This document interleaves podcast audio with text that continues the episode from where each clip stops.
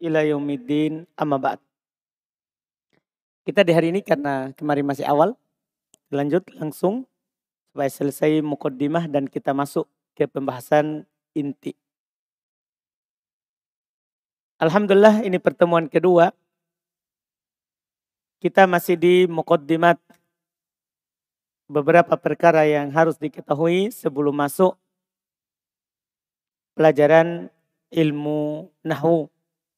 Kita sudah tahu kemarin pengertiannya, pembahasannya, buahnya dari mempelajari ilmu nahwu. Sekarang selanjutnya, qala al-muallif Muhiddin rahimahullahu taala nisbatuhu penyandarannya Artinya kalau ada yang bertanya ini ilmu yang kamu pelajari ini disandarkan ke siapa?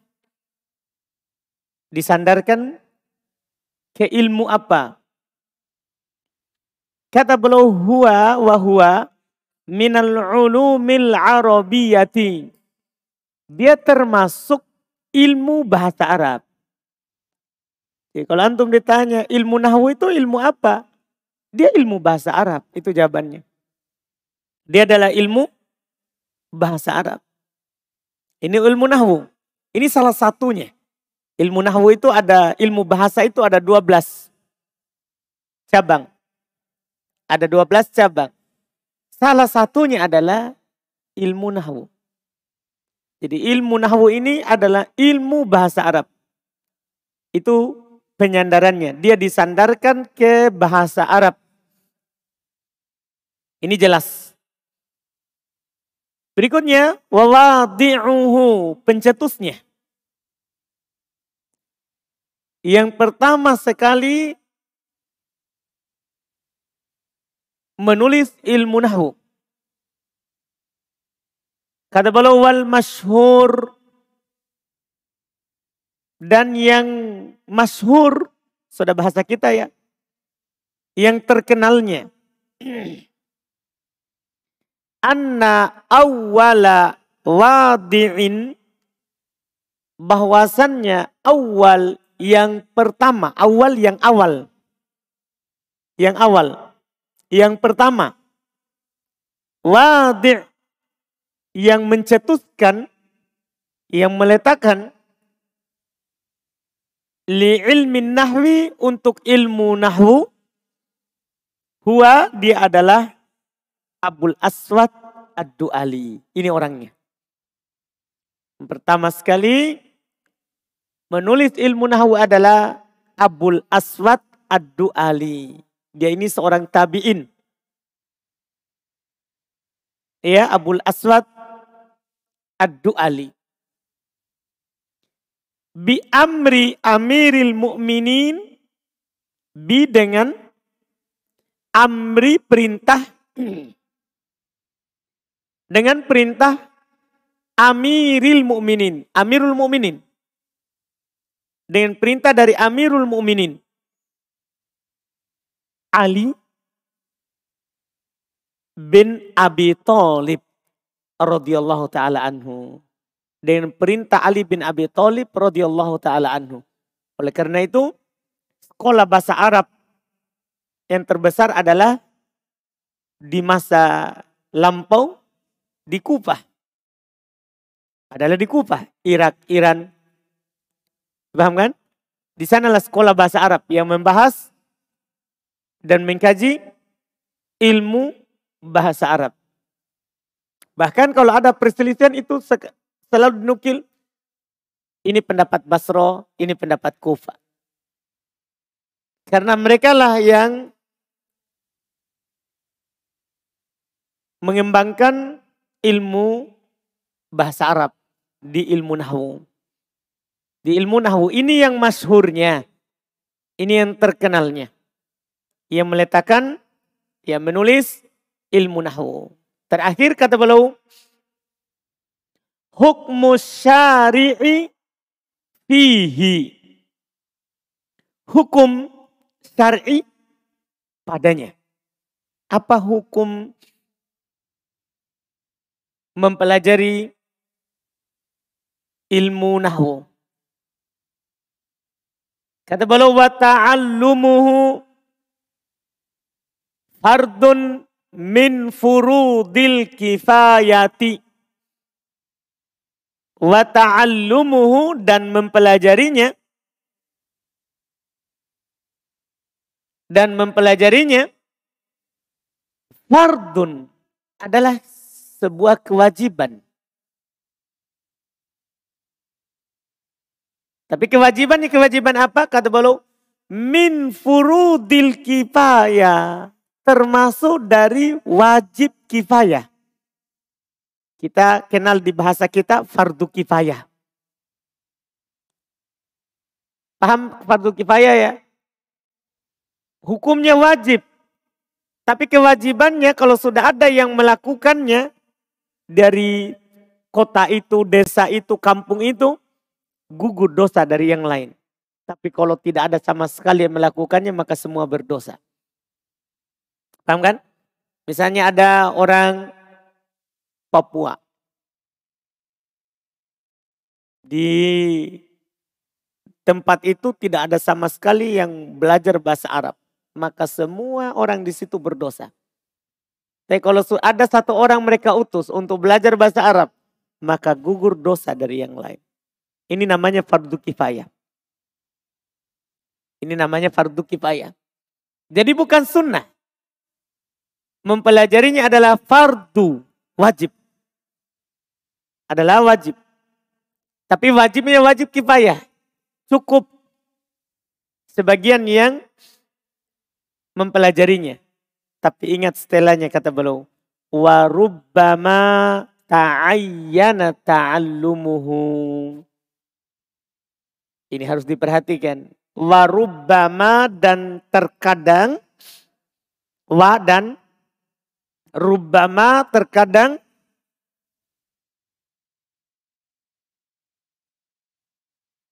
Ta'ayyana ta'allumuhu. Wajib ain mempelajarinya. Wajib ain ya. Wajib bagi setiap orang. Wajib ain mempelajarinya ala ahadin atas seseorang. Kadang wajib ain atas seseorang. Fasoro fardo ainin alai. Maka dia menjadi fardu ain padanya. Di sini belum tidak contohkan ya. Dicontohkan oleh ulama lain seperti dia mau menafsirkan Al-Quran. Ini wajib ain dia belajar bahasa Arab. Dia mau menjelaskan hadith Ah, wajib ain dia belajar bahasa Arab. Tidak boleh tidak. Iya. Dia mau belajar dan menjelaskan fikih, tafsir. Nah, ini wajib ain. Baginya untuk belajar bahasa, bukan lagi wajib kifayah. Iya. Seorang dai yang mau menyampaikan agama wajib ain baginya, bukan fardu kifayah syarat yang menjadi dai menyampaikan agama itu wajib ain. Dia belajar bahasa Arab karena bagaimana caranya dia sampaikan Quran, hadis, tapi dia tidak tahu bahasa Arab kan akan susah. Iya akan susah. Nah, ini yang belum katakan. Ini selesai pendahuluan. Selesai pendahuluannya. Sekarang kita langsung masuk di setelahnya. Qolal musannifu langsung di situ. Karena mulai dari situlah ucapan penulis. Karena tidak dinukil bahwa penulis memulai ucapan ini yaitu penulis matan jurumiyah. Tidak dinukil belum memulai dengan bismillahirrahmanirrahim. Langsung. Tanpa pendahuluan. Kolal musonnif, kalau ada perkataan begitu maksudnya itu matan jurumia yang sebelumnya kita pelajari. Kalau ada kalimat aku lu berarti itu syarahnya. Itu penjelasan dari Muhyiddin. Jadi harus dibedakan. Kalau ada kata kola al musonnifu, oh perkataan dari penulis matan jurumiyah. Yang ada terjemahannya sebelumnya. Kalau dibilang akulu berarti itu perkataannya Muhyiddin. Qolal musannifu al-kalamu huwa lafdul murakkabul mufidu bil wad'i. Seperti yang Anda janjikan sebelumnya, kita akan sedikit mengingatkan apa yang kita telah ambil sebelumnya. Di dalam kalimat ini, kolal musonnifu al-kalamu huwal labdul murakkabul mufidu bil wad'i. Ada beberapa koedah dalam baca kitab di sini yang kita harus pahami sesuai dengan yang sudah kita pelajari. Cuman tinggal diingatkan saja, kan ini tersusun dengan paragraf tersusun dengan paragraf. Nanti ini untuk awal saya kasih tahu. Jadi di sini ada beberapa bentuk kalimat.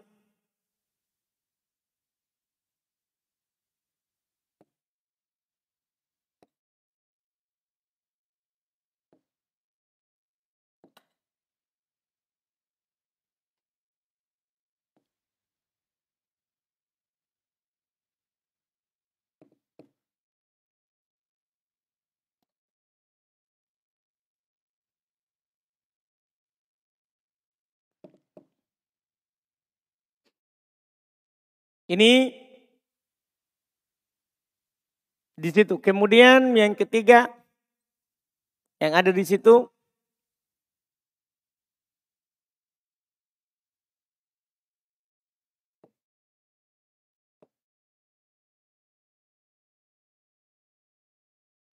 Tiga ini di situ, di kalimat tadi.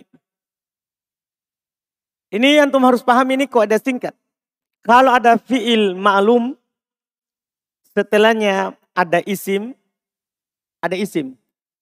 Dah, ada fi'il ma'lum. Setelahnya adalah apa? Isim. Maka isim ini adalah fa'il. Maka ketika dia fa'il, antum baca marfu. Dah. Terus yang kedua, kalau ada kata ma'rifah. Nah, setelahnya, setelah kata ma'rifah itu ada lagi ma'rifah. Jadi berdampingan ma'rifah, ma'rifah. Maka ma'rifah yang kedua ini adalah na'at. Na'atun. Tahu na'at kan? Namanya na'at, bacaannya itu selalu yang ini berarti ikut yang sini. Kalau antum di sini baca doma berarti sini doma. Sini fathah, ini juga fathah, ini kasro, ini juga apa kas? Kasro. Paham kan? Terus Bentuk ketiga sebentar anak akan jelaskan di buku.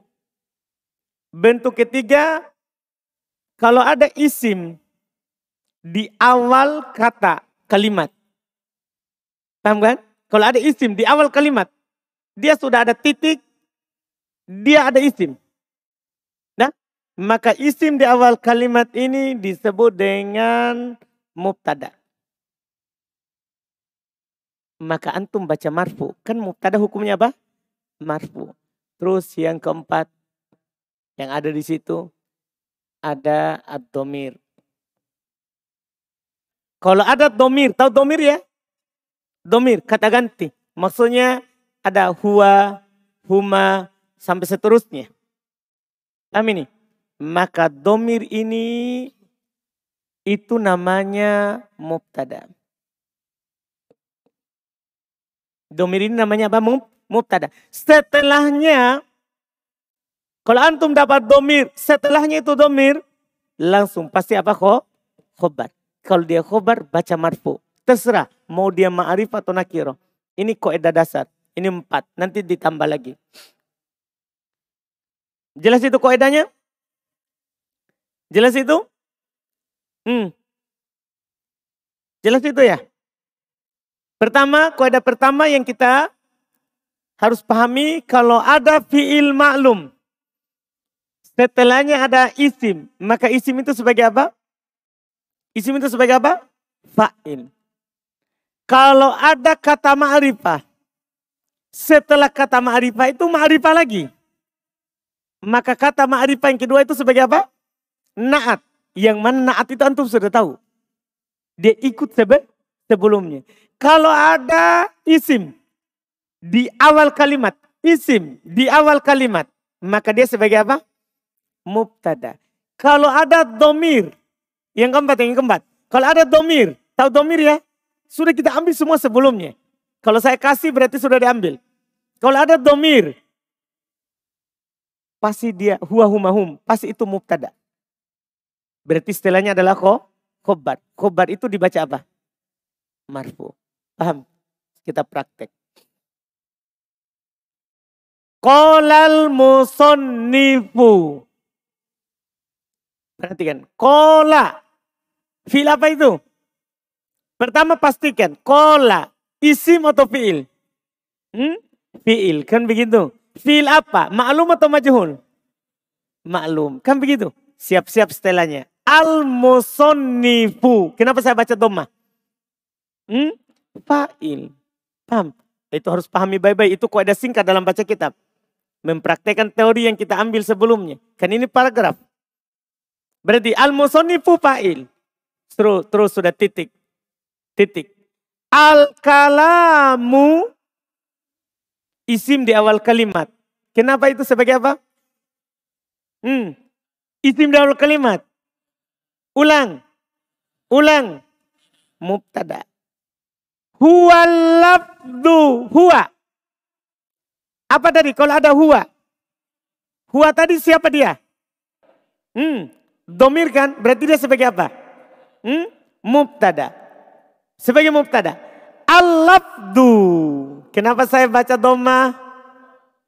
Kan koedanya. Kalau ada itu domir. Huwa huma hum. Maka setelahnya pasti siapa?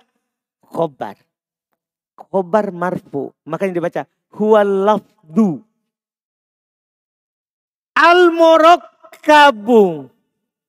Perhatikan. Al-labdu. Ma'rifat atau nakiro? Hmm. Hah? Apa? Ma'rifah. Al-murakkabu. Ma'rifat atau nakiro? Hmm? Berarti kena ini. Kena yang ini ma'rifah, ma'rifah. Berarti al-labdu al-murakkabu. Kan al-labdu khobar. Kan ada huwa kan?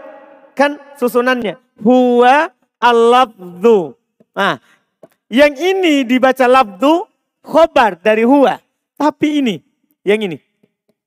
Al-murakkabu. Kenapa baca doma? Ya, ma'rifah, ma'rifah. Berarti ini siapa? Na, naat. Namanya naat siapa? Ikut sebelumnya. Paham ini? Ma'rifah. Syaratnya itu. Beda kalau nakiro ma'rifah. Nanti lagi lain koedanya. Ini harus antum hafal satu-satu ini. Dan bisa diterapkan. Insya Allah akan diulangi terus. Sampai antum pahami dan bisa terapkan di setiap kalimat.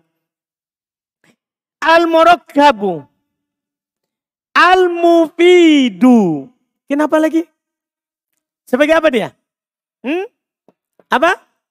Kan masih ma'rifah, ma'rifah, ma'rifah. Berarti sama lagi na, naat.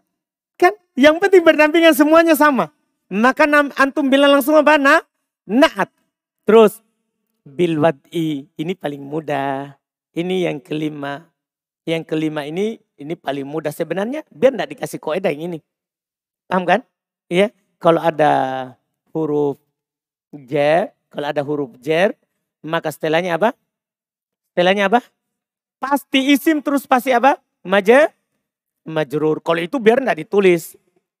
Kalau ada huruf jer, setelahnya pasti isim dan isim itu harus diapain? Dijer, jangan takut. Bil wad'i. Dibaca kasro karena ada huruf jer. Dibaca kasro karena ada huruf apa? Jer. Itu koedah yang kelima, tapi itu sebenarnya biar tidak ditulis. Iya. Sudah ini? Ingat, ini susunan kalimat akan berulang begitu terus. Dipahami ini? Jelas dulu koedanya ini? Jadi kenapa saya baca begitu?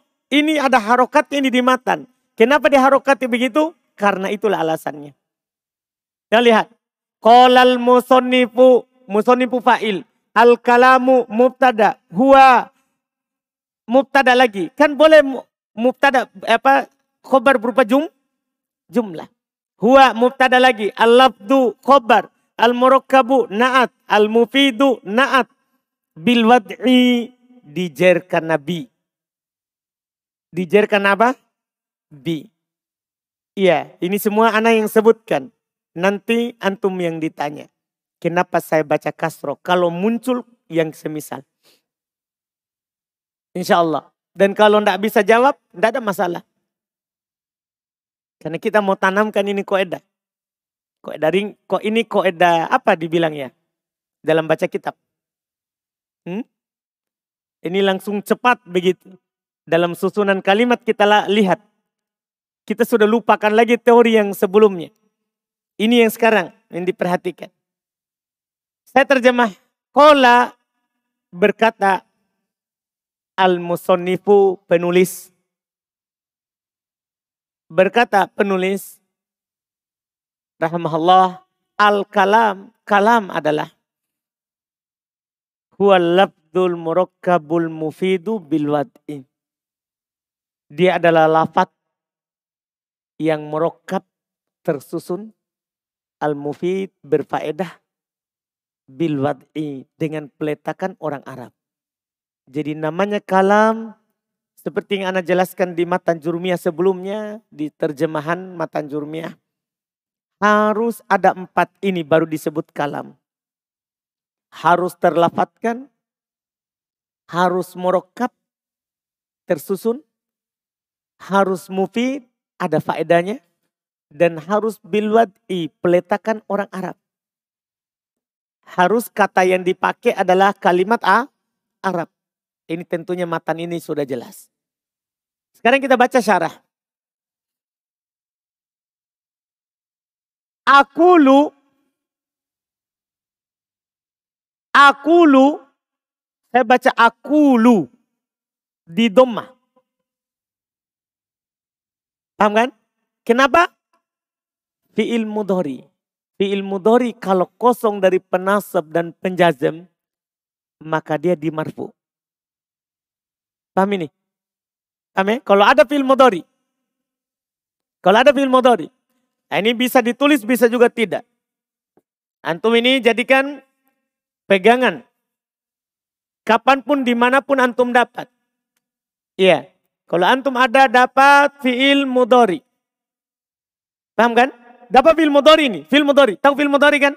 Diawali oleh hamzah atau nun atau ya atau ta. Huruf ana itu. Yang kita sudah pelajari sebelumnya. Kalau ada film motori, terus dia kosong. roda, Ya. Anin nasib wal jazim. Wal jazim. Kosong dari penasab lan lan eh an penasab yang kita pelajari di buku sebelumnya kosong dari penasab dan penjazim maka hukumnya ini fi'il mudhari marfu. Antum jangan takut, langsung baca rofa. Lihat, aku lu. Kenapa saya baca aku lu? Antum jawab kosong dari penasab dan penjazam. Paham ini? Iya, itu fi'il mudhari kosong dari penasab dan penjazam. Kemudian aku lu lilafzil kalami ma'nayani lilafzil kalami kalau lilafzi ini sudah ditahu pasti karena sudah ada koedanya tadi. Koedah ke lima. Lilafzi. Kenapa ini Abu Hanif Sakasro? Karena ada huruf jer. Mana huruf jernya? Li. Jadi saya baca kasro itu karena li. Li labdi. Al-kalami. Nah ini sekarang koedah baru lagi. Pokoknya ini koedah terus. Nanti sudah tidak ada lagi koedah. Kalau antum sudah paham ini. Sudah dikasih semua ini. Kalau ada bentuk-bentuk. Kalimat pertama nakiro. Yang mana sebelumnya antum sudah tahu apa itu nakiro. Paham kan? Kalau ada kata nakiro. Setelahnya ada kata ma'rifah. Ada kata apa? Ma'rifah. Jadi bukan yang seperti ini. Sekarang ini bentuknya kata pertama nakiro. Kata kedua apa? Ma'rifah. Paham ini? Maka kata pertama ini pasti mudof. Ini yang ma'rifah ini adalah mudofun ilai. Dan antum kan sudah tahu hukum mudofun ilai dijer selama-lamanya. Paham kan? Mudofun ilai itu dijer selama-lamanya. Paham ini? Paham ini kaidah? Antum dapat kalimat bentuk susunannya nakiro ma'rifah. Maka yang nakiro mudof, yang ma'rifah adalah mudofun ilai pasti dijer. Pasti dijer. Walaupun gundul. Lihat. Sekarang saya baca. Kaidah yang ketujuh. Lilabdil kalami li labdi. Tadi Abu Hanif katakan dibaca kasro labdi karena li. Al kalami labdi nakiro. Paham ini? Karena bukan nama, bukan domir, bukan isim isyara, bukan isim mausul, bukan kata beral. Paham kan? Dipahami ini? Nakiro berarti dia. Al-kalami apa? Ma, ma'rifah. Kenapa ma'rifah? Beral. Beral, ma'rifah. Berarti dia sebagai apa? Sebagai apa? Mudofun ilai. Makanya saya baca kasroh. Al-kalami sebagai mudhafun ilai. Iya. Bahwa eh ahaduhuma ahaduhuma lugawiyun. Ingat ahaduhuma isim di awal kalimat. ahaduhuma isim di awal kalimat. Apa tadi? Mubtada. Makanya saya baca ahadu. Ahadu. Paham ini? Sebagai apa tadi? Mubtada. Ahaduhuma. Kok ada keberapa? Kok ada keberapa? Hmm? Apa? Ketiga. Isim di awal kalimat maka mubtada. Ahaduhuma lugawiyun. Tentunya kalau antum sudah irob tadi mubtada berarti ini apa? Ko khobar. Kan kalau sudah ada mubtada berarti ko khobar. Paham ini? Jelas ini? Jadi lugawiyun khobar. Wasani. Ini wasaniyu. Dibaca domah. Iya? Nah wiyun. Wa huruf atof. Kalau ada waw untuk tahap dasar pemula. Kalau ada waw maka bacaan setelah waw sama dengan sebelum waw. Kan atof. Kan a? Atof. Dipahami ini? Kalau ini mudah juga. Kalau ada waw, bacaan setelah waw itu sama dengan sebelum waw. Makanya ini ahadu. Kan dibaca domah. Maka wasaniu nahwiun. Nahwiun.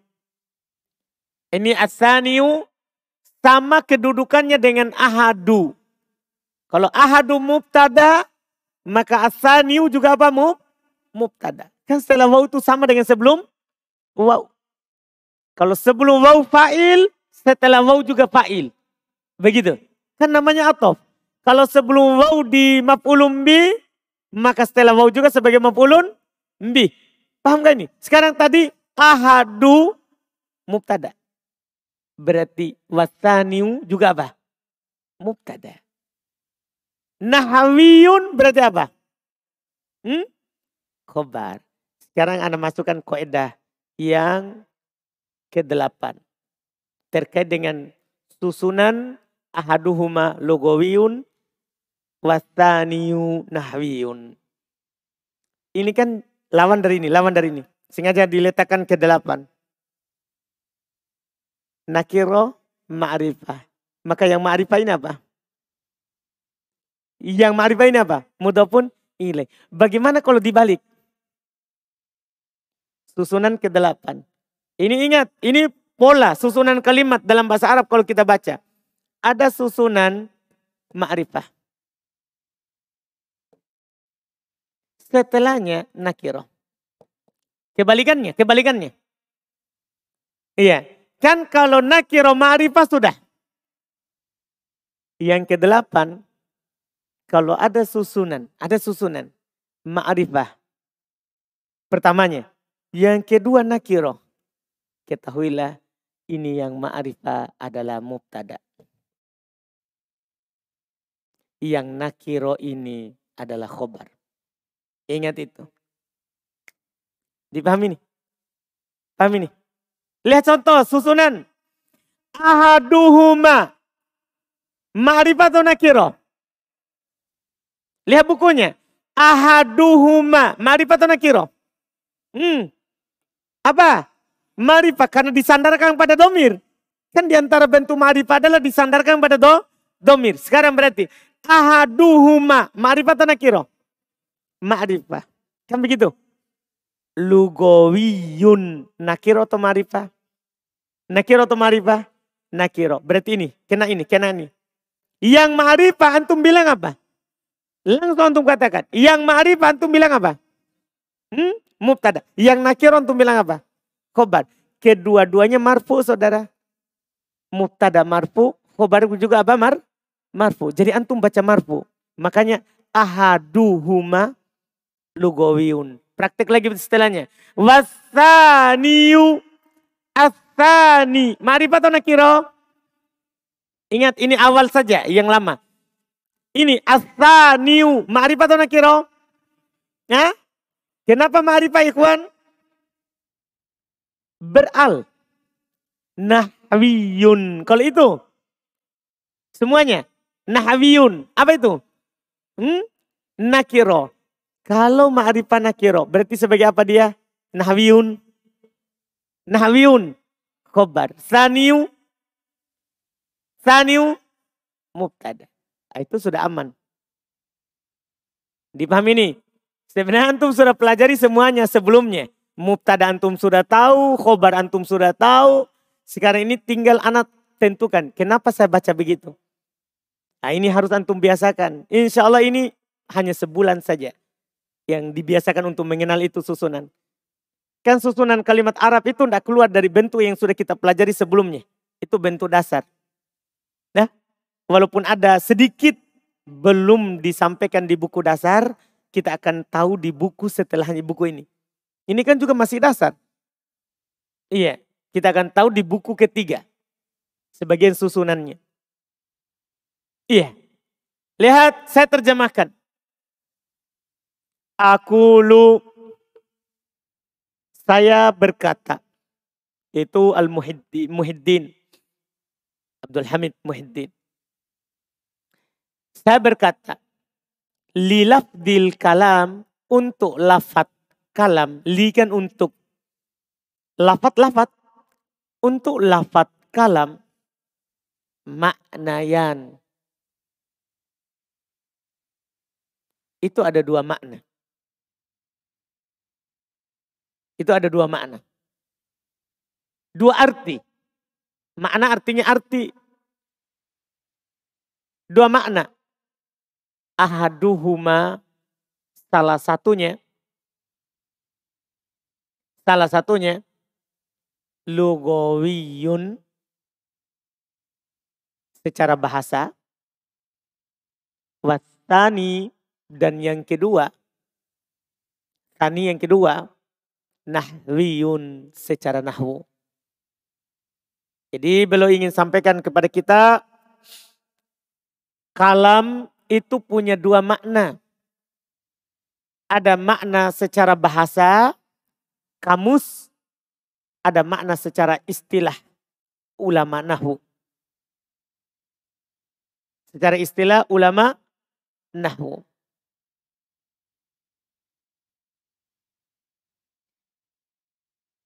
Kata beliau, amal kalamul lugawiyu. Al-kalamu isim di awal kalimat.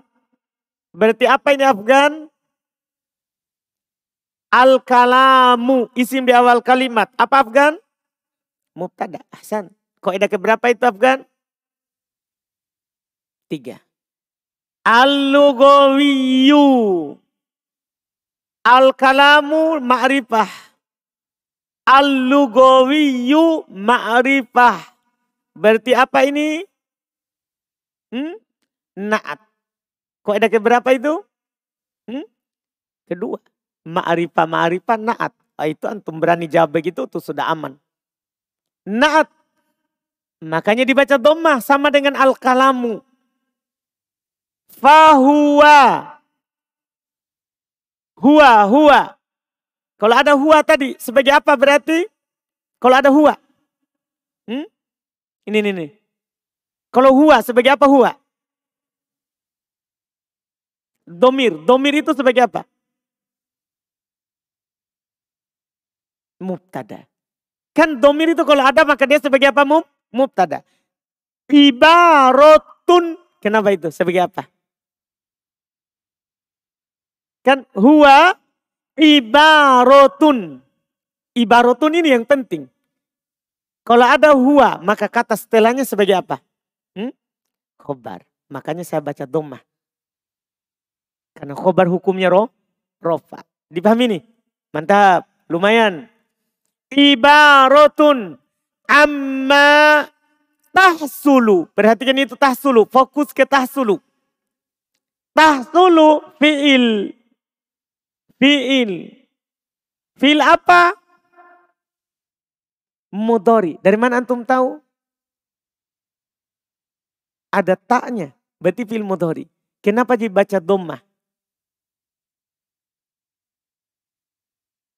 Ah, penasab atau penjazem. Tidak ada alat penasab, tidak ada alat penja, penjazem. Maka dibaca tahsulu. Dipahami nih? Makanya saya baca domah. Karena tidak ada lan, tidak ada lam. Dan saudara-saudaranya. Saya baca domah. Tahsulu. Pertanyaan berikutnya Ahmad. Fi'il mudori apa ini? Karena harus ditahu ini fi'il mudori apa. Maklum atau majhul. Karena sebentar kita mau cari sesuatu. Hmm. Tangsulu. Fi'il mudhari apa Ahmad? Hmm? Maklum. Berarti sebentar cari fa'il. Kan sudah dikasih tahu. Kok ada keberapa? Hmm. Kok ada keberapa? Pertama. Fi'il itu umum, maklum. Mudhari ataupun madi. Paham ini? Fi'il. Ah. Tahsulu bisababihi bisaba bihi. Kenapa di kasro itu Ahmad? Karena huruf jer mana? Bi. Ini dibaca bisababihi. Kan sababu. Sababu. Masuk bi dibaca kasro. Bisababihi. Karena huruf jer. Huruf jer. Nanti anak-anak akan kasih faedah setelahnya lagi nanti. Insya Allah ada lagi. Iya terkait dengan sababihi. Bisababihi faidatun. Berarti sababihi tidak boleh menjadi fa'il. Iya kan? Kan dia majrur. Faidatun. Sebagai apa ini? Namanya? Siapa namanya? Abdul Aziz. Sebagai apa ini Abdul Aziz? Fa'il. Kenapa antum bisa katakan ini fa'il? Itu dia jawabannya. Karena ada fi'il mudori ma'lum sebelumnya. Kalau ada fi'il mudhari ma'lum maka cari apa? Fa'il. Mantap. Alhamdulillah. Fa'il. Sawa'un akana lafdhon. Sawa'un akana lafdhon. Antum tahu kan karena amalannya meropa isim dan menasab khobar. Kalau itu hal yang biasa. Kalau dia datang misalnya di contoh kita sebelumnya karena Zaidun ko iman ini hal biasa. Ini hal biasa. Karena Zaidun ko ko iman. Zaidun adalah isim kana, ko iman khobar kana. Tapi ada sesuatu hal yang kita sekedar lihat langsung antum bilang, ini ininya kana. Nah, ini koedah berikutnya. Koedah keberapa ini? Sembilan. Ini koedah sudah lama diulang-ulang tapi tidak pernah tertulis di kertas. Selalu ditulis di papan saja. Iya. Koedah yang kesembilan. Kalau antum dapat kana dan saudari-saudarinya. Ini koedah baca kitab dari dulu saya praktekkan dan cepat orang membaca kitab gundul. Kalau ini yang diperhatikan. Karena istilah semua sudah kita tahu. Hukum semua kita sudah tahu. Susunan yang kita sulit. Paham kan? Memperhatikannya. Karena katanya sudah banyak. Kalau ada kana. Tiba-tiba setelahnya ada kata nakiro. Karena tiba-tiba. Kan kalau begini kan mudah. Kalau ada ma'rifah, nakiro berarti kan mubtada khobar. Masuk kana isim kana. Khobar kah? Kana. Ini kan namanya susunan biasa. Tapi yang tidak biasa ini yang masalah bagi pembaca. Ini yang tidak biasa. Dapat kana tiba-tiba nakiro nah kalau dapat kana ma'rifah isimnya pasti. Karena pasti pasti koedah ini yang dipakai. Koedah ini yang dipakai. Mubtada kok khobar kan karena kan masuk pada mubtada khobar yang masalah kadang ini isim hilang. Sehingga kalau orang pemula dia kira setelah kana itu langsung marfu. Karena dia kira itu siapa? I, isimnya kana. Nah, itu kalau susunannya ma'rifah nakiro. Tapi kalau susunannya kana. Dan saudari-saudarinya, kan banyak saudarinya. Bukan hanya kana. Setelahnya nakiro. Pastikan ini nakironya adalah khobarnya artinya mansub. Jangan dibaca marfu. Kan kalau pemula setelah karena dia marfu. Iya kan? Kan karena kan tugasnya merofa isim menasab khobar. Ini bukan begitu. Kalau antum dapat kana. Setelahnya nakiro. Maka yang nakiro ini sebagai khobarnya kana. Khobarnya kana apa hukumnya? Hmm? mansub. Jadi walaupun setelah kana mansub. Itu anehnya. Walaupun setelah kana. Antum baca apa? Baca apa? Mansub. Lihat saya baca. Sawaun. Sawaun isim di awal kalimat. Kan setelah koma. Isim di awal kalimat. Apa irobnya? Apa irobnya? Kan sudah dikasih tahu. Isim di awal kalimat. Mau nakiro, mau ma'rifah. Tidak peduli. Yang penting isim di awal kalimat. Langsung bilang apa? Mubtada. Jangan takut. Tapi setelahnya. Akana labdon. Labdon. Nakiro atau ma'rifah? Hmm. Nakiro atau ma'rifah? Nakiro. Setelah kana. Kenapa dibaca dibaca labdon? Sebagai apa dia? Sebagai apa dia? Khobar ka kana. Jangan takut. Langsung bilang khobar kana. Ini ingat. Ini nih kok ada begini maksudnya min khilali al, al kiroah.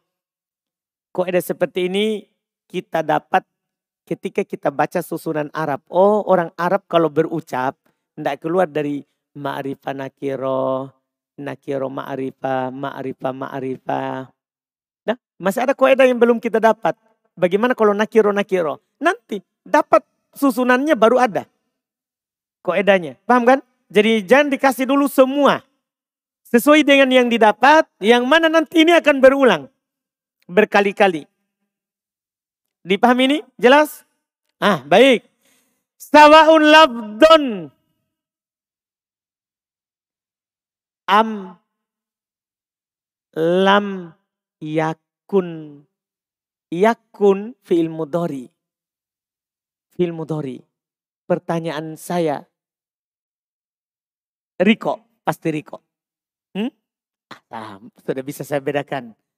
Riko, ini Riko. Riko, kenapa yakun? Kok saya sukun? Ada lam. Kan tadi syaratnya marfu. Kalau kosong dari penasab dan penjazem. Ini ada lam. Lam ini alat apa? Alat jazem. Makanya saya sukun. Paham kan? Arti ini eh, sama dengan ini huruf jer. Nggak, nggak perlu sebenarnya koedah. Artinya kalau ada huruf jazm, dah maka antum jazm. Kalau ada huruf nasab, maka antum apa? Nasab. Ini sama, ini semua ini yang kelima ini tidak perlu ditulis. Antum dapat alat penjazm, sudah antum hafal sebelumnya, jazm. Antum dapat alat penasab juga sudah ambil sebelumnya, nasab. Paham kan? Sama dengan huruf jar. Cuma bedanya huruf jar masuk pada isim, alat jazm, alat nasab masuk pada fi, fi'il. Itu saja bedanya. Itu saja bedanya. Itu mudah. Itu mudah. Kal khoti. Kenapa ini Ahmad Genta? Hmm? Kenapa saya baca kal khoti? Kemasukan huruf jar. Mana huruf jarnya? K. Huruf jarnya K. Wal kitabati. Kenapa ini wahana? Eh, Abu Hanif. Hmm? Ini atop, ada waw, waw. Kalau ada waw, bacaan setelah waw pasti sama dengan sebelum waw. Maka ketika saya baca al-khotti kasro wal kitabati harus kasro juga. Wal isyaroti. Kenapa ini Riki? Hmm? Ada atop lagi. Wah. Maka bacaan setelah wow sama dengan sebelum wow. Itu sengaja saya ucapkan terus. Supaya lengket di otak antum. Iya. Wal isyaroti. Selesai. Saya terjemah dan sampai di situ pelajaran kita hari ini. Tidak apa-apa. Ini sedikit. Nanti lama-lama akan jadi tiga halaman, empat halaman. Ini karena kita lagi baru. Daripada antum eh, bingung nanti kenapa diharokati. Dipahami ya? Ini kita bentuk. Kata amal kalam, adapun kalam al-lugawi secara bahasa. Makna kalam secara bahasa. Fahuwa maka dia adalah ibaratun ibarat amma dari apa-apa yang tahsulu terhasilkan, terjadi, terdapat tak, terdapatkan. Baca-baca terjemahannya tergantung yang dipahami. Kan banyak sinonimnya dalam bahasa kita. Tahsulu hasil. Iya, dari kata hasola.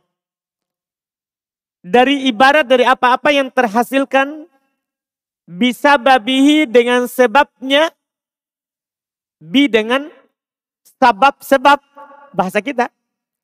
Terhasilkan dengan sebabnya. Ini antum perhatikan ya. Kosa katanya juga. Supaya tidak terasa antum sudah punya kosa kata banyak nanti.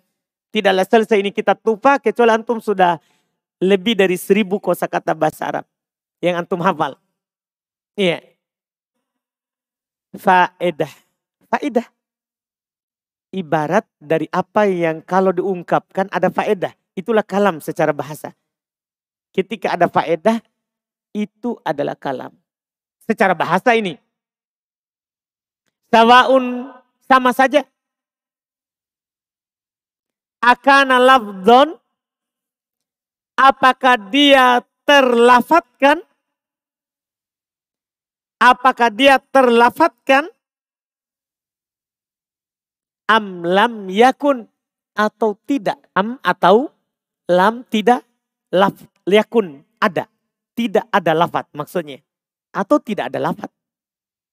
Kal khoti seperti khot. Ya, tahu khot ya? Yang digarisi. Ya, seperti garis. Ada orang supaya orang semua belok kanan, dia garis anak panah ke kanan. Itu namanya khot. Paham ya? Wal kitabah Berarti ada faedahnya kan? Kan ada anak panah orang ikuti. Ada faedahnya. Wal kitabah penulisan. Dia tidak ucapkan, dia tulis saja. Itu masuk kalam. Wal isyarah dan isyarat. Dia cuma tunjuk, orang paham, itu juga kalam. Nah, di sinilah perlu penulis dikritik. Ini pengertian kalam menurut Ash'ari di sini. Iya, karena kalam kalau dibilang kalam, kalamullah. Berarti kan ada lafat, ada huruf, ada suara. Paham ini? Di sini dia masuk isyarat juga kalam. Tulisan juga kalam. Paham gak ini? Bahkan garis juga apa? Kalam. Ah, ini kan pengertian kalam menurut siapa? Orang-orang Ash'ari. Karena mereka mengingkari Al-Quran itu adalah lafadznya kalamullah. Menurut mereka bukan. Lafadznya itu lafadz dari Nabi Muhammad. Adapun kalamullah itu kalamun nafsi. Allah cuma ilhamkan kepada Jibril, Jibril ilhamkan kepada Nabi Muhammad. Lafadznya itu lafadz Nabi Muhammad. Nah kita bilang Al-Quran itu adalah kalamullah. Huruf dan suaranya. Huruf dan dia ada suaranya. Dipahami ini? Iya. Yang mushaf, kertas itu makhluk. Tapi yang tertulis di kertas itu, itu adalah apa? Kalamullah. Nah, ini belum dikritik di sini saja. Walaupun belum dimaafkan karena belum menjelaskan arti secara bahasa. Belum menjelaskan arti secara apa? Bahasa. Dipahami ini? Jelas ya? Nah, ini Alhamdulillah. Insya Allah besok kita lanjutkan berikutnya. Antum bersabar ya di awal. Antum hafal, catat, tulis tadi itu. Antum perhatikan. Dalam setiap susunan kalimat maka tidak keluar dari itu. Masih ada lagi ya, itu baru sembilan. Masih ada lagi. Insya Allah. Sedikit saja tidak sampai dua puluh.